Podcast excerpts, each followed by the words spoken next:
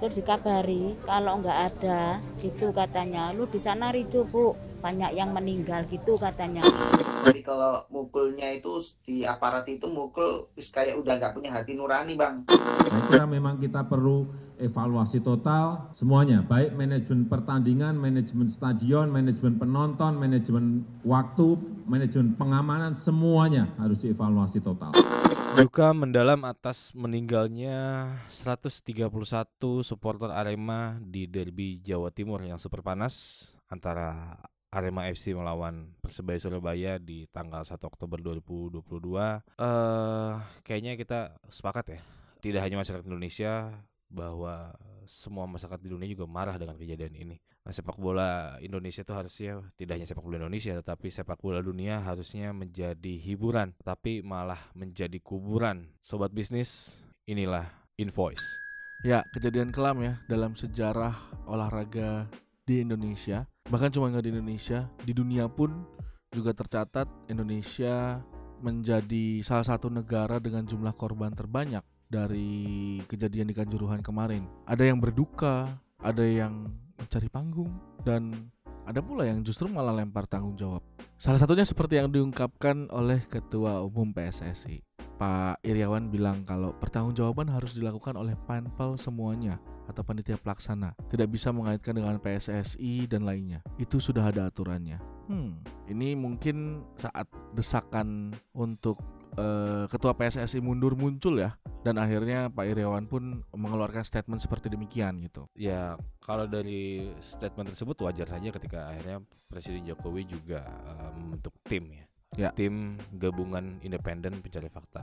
Nah, eh, Pak Jokowi itu meminta agar tim gabungan eh, pencari fakta ini atau TGIPF tragedi Kanjuruhan bisa mengungkapkan secara jelas, tuntas dan kalau nggak salah kemarin terakhir waktu kunjungan ke tanggal 5 kemarin, tanggal eh, hari Rabu tanggal 5 Oktober, Pak Jokowi memberikan waktu sekitar satu bulan bahkan kalau bisa lebih Oke. cepat daripada satu bulan itu. Tapi terlepas dari itu, eh kalau sekarang sih kalau nggak salah sudah ada 12 yang mendapatkan hukuman 12 orang yang mendapatkan hukuman itu yang dianggap sebagai sosok yang bertanggung jawab atas insiden meninggalnya 131 orang di malam tersebut yang eh bahkan tidak hanya korban jiwa, yang luka-luka pun banyak dan Ya. anak-anak kecil banyak di ini. Dan pelaku-pelaku yang diberi hukuman rata-rata dari eh, berbagai elemen, mulai dari kepolisian sampai eh, panitia penyelenggara. Ya, panitia penyelenggara juga. Kita bisa berharap ya mudah-mudahan tim pencari fakta ini yang terdiri dari mulai akademisi, ada juga dari ahli hukum, jurnalis, ada dari eh, pengamat sepak bola bisa mengungkap secara pasti siapa yang menjadi penanggung jawab yang bertanggung jawab atas kasus ini. Dan pastinya hasil kerja dari eh, tim gabungan pencari fakta ini dinanti ya, Hmm. karena kejadian ini sudah jadi sorotan dunia. Hmm. Bahkan media-media asing eh, beberapa waktu lalu, gue juga sempat baca, bahkan mereka menguliti Hmm. Apa yang menjadi penyebab ratusan orang meninggal. Ya, sepak bola memang jadi sorotan karena eh gak cuma di Indonesia ada sepak bola di luar negeri pun ada sepak bola. Bahkan seluruh dunia juga menyelenggarakan sepak bola karena ini, ini tadi ya hiburan semua kalangan gitu ya. Semua negara, semua benua, hiburan nomor satu adalah sepak bola. Betul. Tapi yang jadi sorotan salah satunya juga adalah pertandingan yang eh, seharusnya jadi hiburan malah jadi sejarah kelam di Indonesia. Bahkan Presiden FIFA Gianni Infantino ini bilang kalau dunia sepak bola sekarang ini sedang shock menyusul insiden tragis yang terjadi di Indonesia di akhir pertandingan antara Arema FC dan Persebaya Surabaya di Stadion Kanjuruhan. Hmm. Itu kata Presiden FIFA lewat laman resmi FIFA ya Hmm. dan eh, dia juga bilang kalau kejadian tanggal 1 Oktober kemarin itu adalah hari yang gelap bagi semua yang terlibat dalam industri sepak bola dan sebuah tragedi yang terjadi di luar pemahaman. Dia menyampaikan belasungkawa terdalamnya kepada keluarga, teman-teman, para korban dan eh, semua yang kehilangan nyawa dari insiden tragis ini dan sebagai bentuk solidaritas eh, beberapa sejak tanggal 2 Oktober kalau nggak salah seluruh bendera negara yang tergabung di anggota FIFA dikibarkan setengah tiang di Swiss di markas FIFA ya. Nah, eh ini sebagai wujud bela sungkawa atas terjadinya tragedi di Kanjuruhan. Itu tulis akun Twitter @idextratime minggu tanggal 2 ya. FIFA pun mengunggah dan menunjukkan deretan bendera yang dikibarkan setengah tiang untuk eh, menunjukkan bela sungkawanya terhadap kejadian di Kanjuruhan. Ya, bela sungkawa ini wajar ya kalau kalau kata kita eh, sampai seluruh dunia menyebutkan bela sungkawa karena tragedi ini jadi yang nomor dua, Mas Ganang. Kalau boleh kita ungkap sedikit. Ya. Dan ini adalah nomor eh, terburuk sepanjang sepak bola modern. Di mana memang sepak bola modern itu era yang eh, sudah mulai sedikit maju ya, dari Ya, mulai ya. penataan eh, tempat duduk dan lain-lain, mulai menjadi industri dan ini adalah tra- tragedi terbesar di sepak bola modern. Kalau lihat dari jumlah sekarang 131 memang sudah fix kita adalah nomor dua Nomor terburuk dua. dan ya wajar saja ketika semua berbela sungkawa bahkan ham- eh, terakhir kalau salah kemarin di Liga Champions ya Ya, Eh, Liga Champions. ah, di Liga Champions semua pertandingan melaksanakan minute of silence Betul. dan salah satu yang menjadi sorotan adalah eh, pesan duka cita dari Penonton. penonton Mereka dari bawa spanduk besar. spanduk dibentangin. dan mereka itu adalah dari kelompok supporter Bayern Munchen. Di Oke. ya di belakang tribun selatannya eh, Allianz Arena. Mereka membawa eh, spanduk di saat pertandingan Liga Champions melawan Victoria Pleasant. Di situ Bayern Munchen menang namun sebelum pertandingan saat minute of silence mereka membentangkan eh, spanduk yang artinya kalau di bahasa Indonesia kan adalah lebih dari 100 orang dibunuh oleh polisi. Ingatlah para korban yang tewas di Kanjuruhan. Eh ya itu adalah eh, salah satu bentuk apa simpati dari mereka ya. Oke. Melihat Bentuk ekspresi juga dari ekspresi mereka. juga. Karena mereka pun ya informasi ini sudah ada di mana-mana dan mereka tidak tidak mungkin tidak berdasar dalam menuliskan hal tersebut. Pasti Ya. mereka membaca membaca literasi dulu. Dan nggak cuma di Jerman ya. Eh waktu kemarin La Liga eh, mulai di pekan hari Minggu kemarin, sorry hari Minggu kemarin eh Ultras dari Rayo Vallecano klub dari Liga Spanyol juga membuat pesan untuk tragedi Kanjuruhan. Ya, hampir sama dengan yang kemarin Munchen. Hmm. Mereka eh, tertulis menuliskan di spanduk yaitu mereka bukan meninggal tetapi dibunuh. Nah, momen itu terlihat saat Rayo Vallecano melawan LC di Stadion Campo de Football Felicias.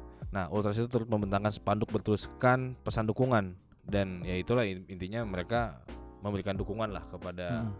Arema dan juga Indonesia agar bisa bangkit dari kondisi ini. Nah kalau kita bicara tentang eh, kok bisa terjadi demikian, terus juga penyebab-penyebabnya, udah banyak ya yang mengulas baik itu eh, media massa nasional, terus juga bahkan media asing pun mengulas, bahkan kita sebagai eh, warga sipil pun, warga negara biasa pun udah banyak ya beredar di sosial media di Twitter, di Instagram, video-video yang menunjukkan eh, kejadian Iya. saat kejadian dan kita bisa langsung tahu dan langsung bisa berasumsi dan bisa berpendapat apa yang sebenarnya terjadi di sana karena eh, salah satu lokasi yang jadi istilahnya jadi apa ya jadi pusat jadi eh, yang paling makan banyak korban itu Hmm. di pintu 13 dan pintu 14 Stadion Kanjuruhan itu bisa dibilang bahkan yang kemarin Pak Jokowi juga datang ke sana dan Iya.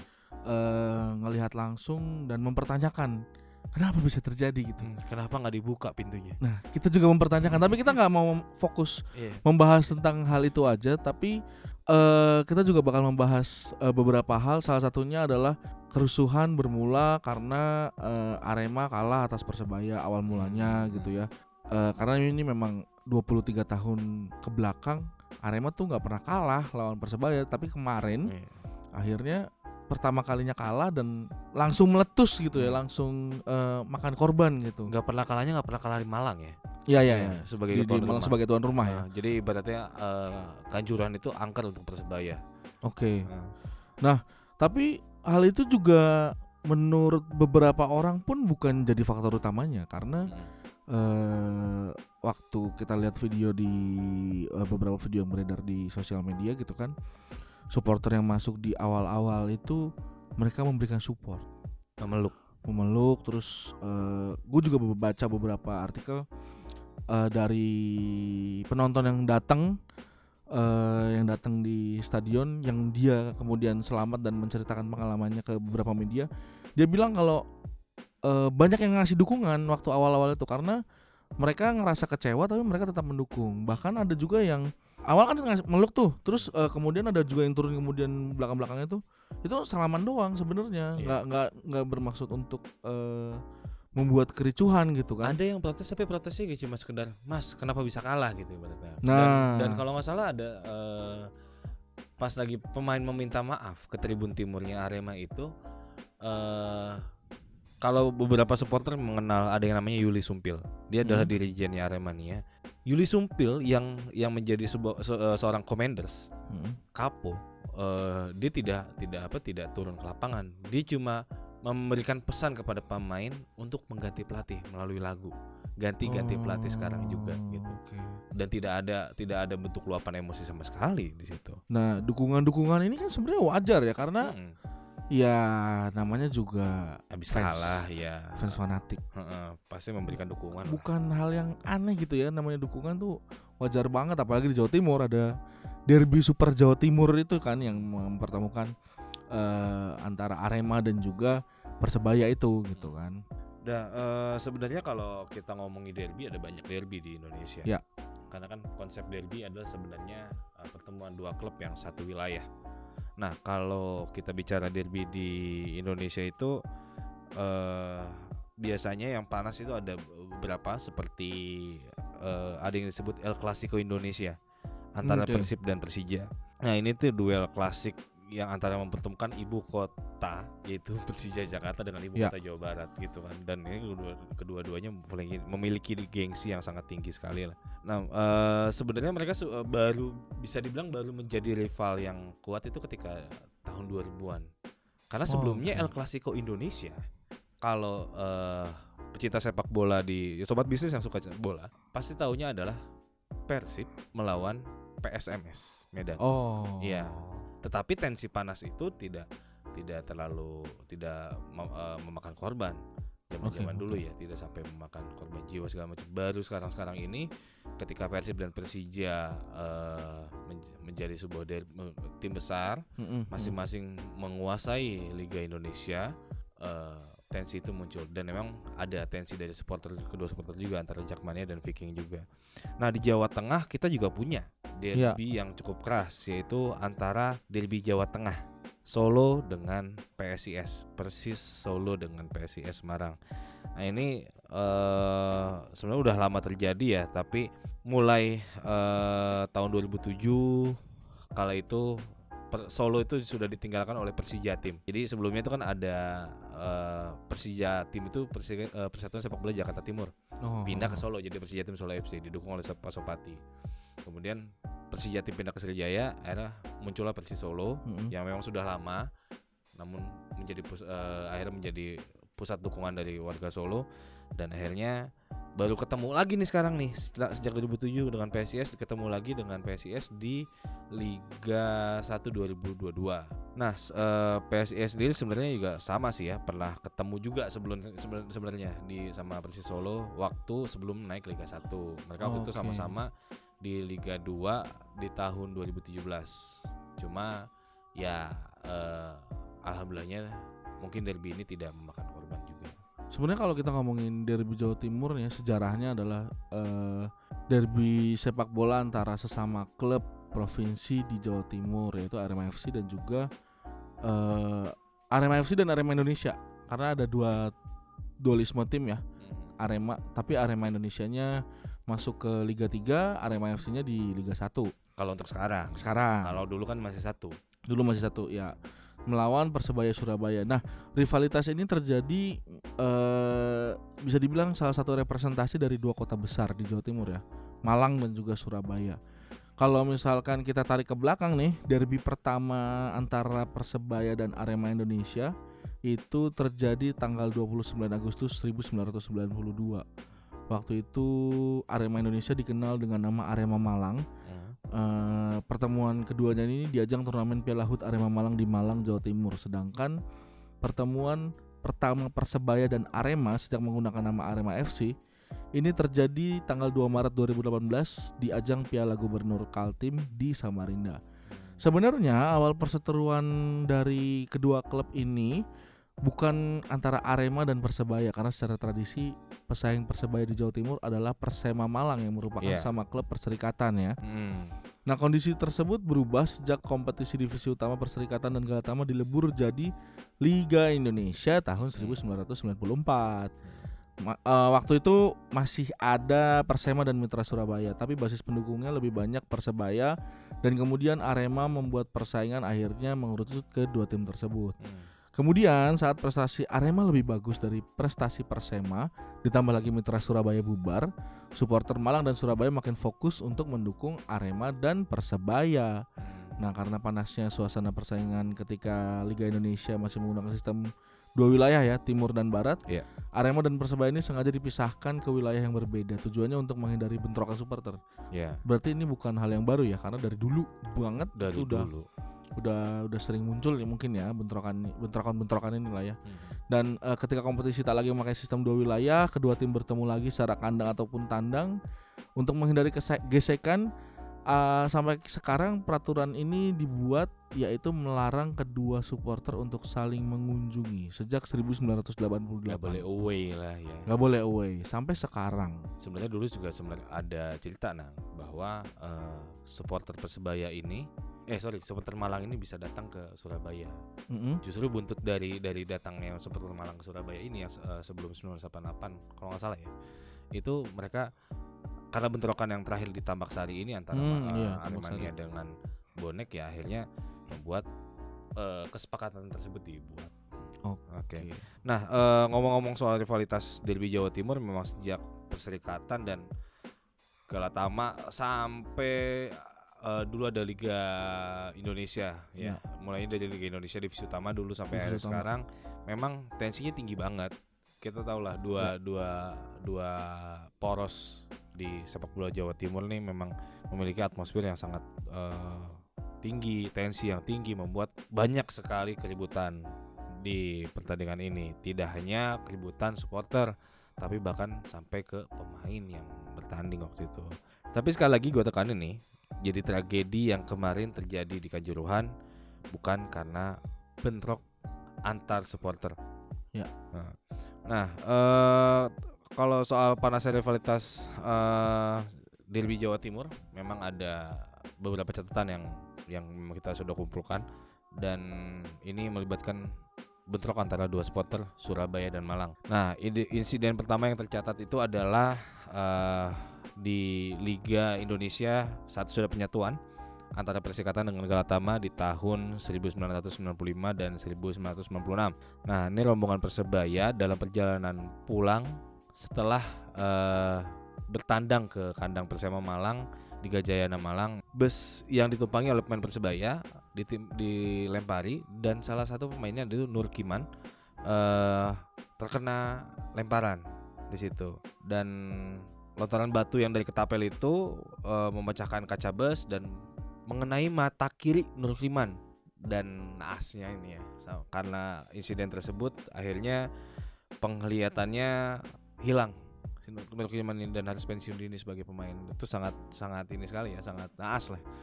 Bentrokan juga pernah terjadi nih nang di tanggal 7 Maret 2013 Nah kejadian itu terjadi pada hari Kamis sore eh, di 7 Maret 2013 dan terjadinya bukan di Surabaya atau di Malang tetapi di Gresik di Stadion Petrokimia Gresik.